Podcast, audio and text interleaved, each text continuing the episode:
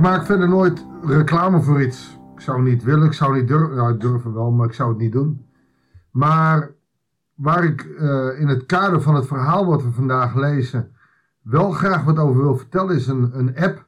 Maar je kan het ook online uh, kijken. Uh, naar iets wat heel indrukwekkend is. We lezen vandaag uit Matthäus 4. En dat is de roeping van de discipelen en het begin van het werk van Jezus. En ik ben samen met mijn vrouw de serie aan het kijken, The Chosen. Het bestaat al een paar jaar. Afgelopen jaar is het derde seizoen erbij gekomen. Ongetwijfeld zal er een vierde seizoen komen. Dat is een gratis app op je telefoon of op je computer, whatever. Je kan het online kijken. Het is een serie. Serie 3 is nog niet eens Nederlands ondertiteld. Het wordt met fondsen gemaakt over het leven van Jezus. Een reëel beeld. Of het helemaal letterlijk zo is, dat weet niemand. Maar het is niet een verromantiseerde Jezus. Zo'n Jezus die een sixpack heeft, bloedmooi is en alle vrouwen de stuip op het. Zo werkt dat niet. Het is een rustige, onbegrijpelijke Jezus. En, en het geeft mij iets van realiteit weer. Hoe zou het zijn geweest dat de discipelen ontdekten: dit moet de Messias zijn. Terwijl ze dachten dat de Messias van uit het Oude Testament de Romeinen wel even zou verwerpen. Niets was minder waar, een verwarrende situatie. En dat geven ze in die serie ontzettend goed aan. Ik kan het je dus van harte aanbevelen. Goeiedag, hartelijk welkom bij een nieuwe uitzending van het Bijbels Dagboek. Na dit reclameblok gaan we beginnen aan de lezing van vandaag. Matthäus 4, 18 tot en met 25. Een beschrijvend gedeelte over het roepen van zijn eerste discipelen. En toen ik dit las, moest ik meteen, ik zag het voor me. Ik heb er een plaatje bij nu. En een reëel plaatje, niet zo'n romantisch plaatje. Toen hij langs het meer liep, zag hij twee broers. Simon, die Petrus genoemd wordt, en zijn broer Andreas. Ze wierpen een net uit in het meer en het waren vissers. En hij zei tegen hen, kom, volg mij. Ik zal van jullie vissers van mensen maken. Ze lieten meteen hun netten achter en volgden hem. Als je in het Oude Testament leest, het is of Jeremia of, of Jesaja, dan wordt er over Jezus gezegd hij is onogelijk. Oftewel, een gewoon common man, geen sixpack, geen knappe kop, maar gewoon, ja, eigenlijk onogelijk is lelijk. Oftewel, een gewone man van het volk.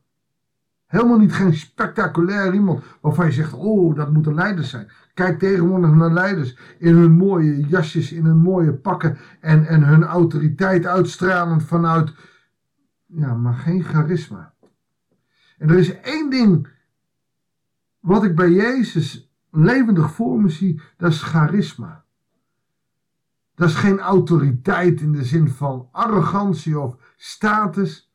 Charisma is een bepaalde stijl. En in, ik ga nou even enthousiast zijn over The Chosen. Uh, daarin vraagt hij heel ik wil dat je me volgt. En die mensen zeggen meteen ja. En dat gebeurde ook, dat lees. Ze lieten meteen een net achter en volgden hem. Dan was het in die tijd gewoon dat, dat je soms een periode, een soort stage liep bij een rabbi.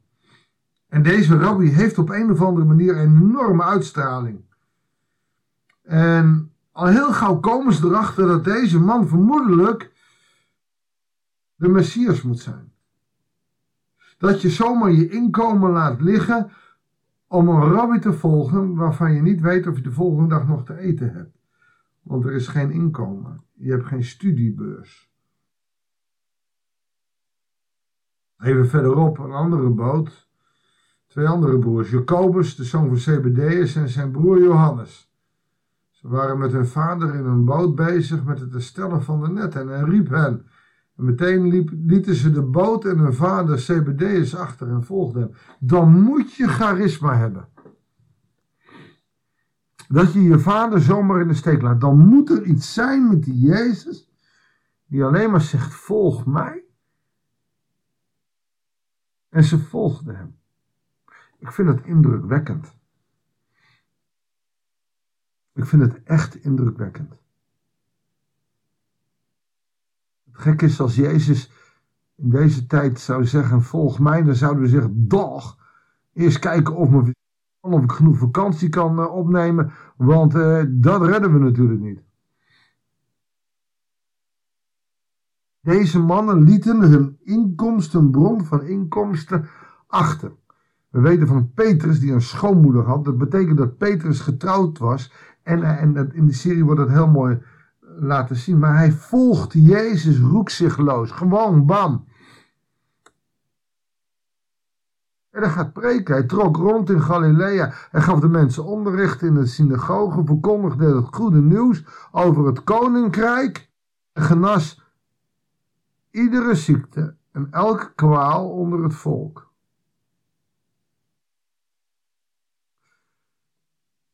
Het goede nieuws over het koninkrijk. Het grappig, daar wordt, daar wordt wel eens aan getwijfeld. Uh, het koninkrijk van God is iets wat later komt. Dus een nieuwe hemel en nieuwe aarde. Anderen zeggen weer, nee, het koninkrijk is nu al gaande. Als je hier leest, uh, dan staat er over het goede nieuws over het koninkrijk. Dat is in de present. Dat is over wat nu is. Want anders had hier gestaan, ook in het Grieks, het koninkrijk dat komen zal. En in dat koninkrijk past dan ook het genezen van zieken en kwalen onder het volk. En die genezingen waren niet zozeer om mensen gewoon maar te genezen en nou leuk, dan gaan we weer lekker verder met je leven. Nee, om ze in te lijven in het koninkrijk.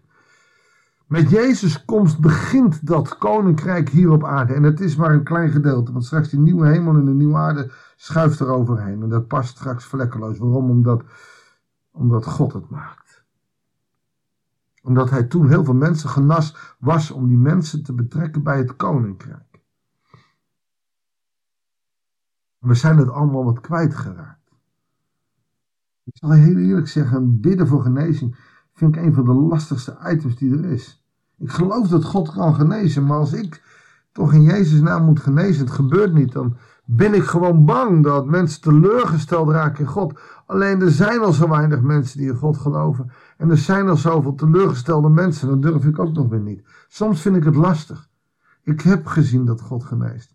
Maar ik heb ook meegemaakt dat God het niet doet. Het belangrijkste vind ik wel dat ik voel in al die mensen die in die gebrokenheid leven, dat ze wel iets van God ervaren. En dat is het allerbelangrijkste. Want de grootste genezing is dat je Jezus leert kennen komt dat goede nieuws brengen. Dat is het nieuws van God. Jezus is God op aarde. Jezus is het spreken van God op aarde. Het gaat om God. Die staat centraal.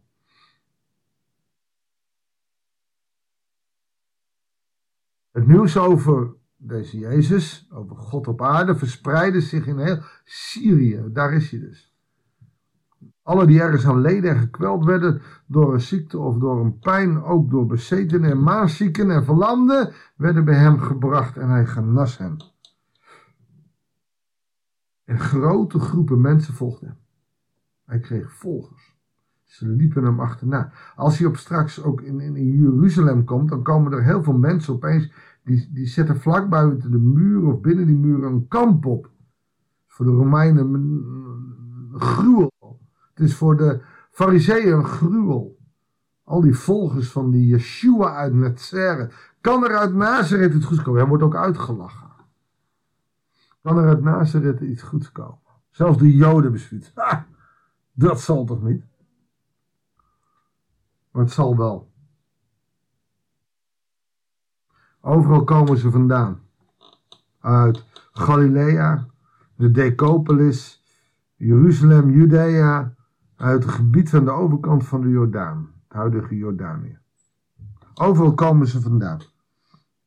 Om deze Jezus, die grote wonderen doet, uiteindelijk te volgen. Het belangrijkste is nog, als hij straks, uh, en, en dat gaat hij in het hoofdstukje nadoen, en dat helaas gaan we dat voorlopig nog niet lezen, maar dat is Matthäus 5 tot en met 7. Dan begint hij te preken. Dus het houdt op gewoon even op met die genezingen. Dan gaat hij preken. En dat doet hij met zoveel charisma. dat mensen hem ook echt zullen gaan volgen.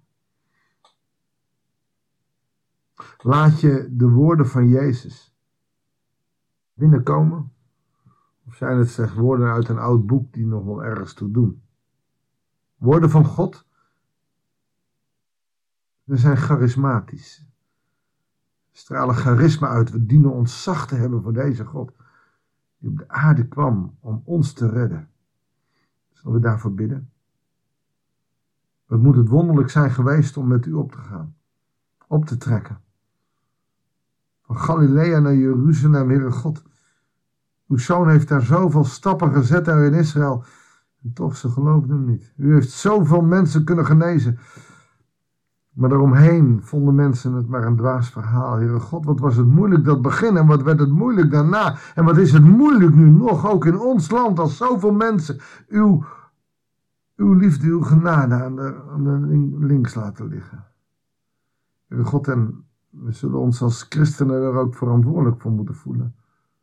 Omdat wij het niet altijd uitstralen. Omdat wij onze twijfels hebben. Heer, kom met uw Heilige Geest. Vul ons met uw kracht.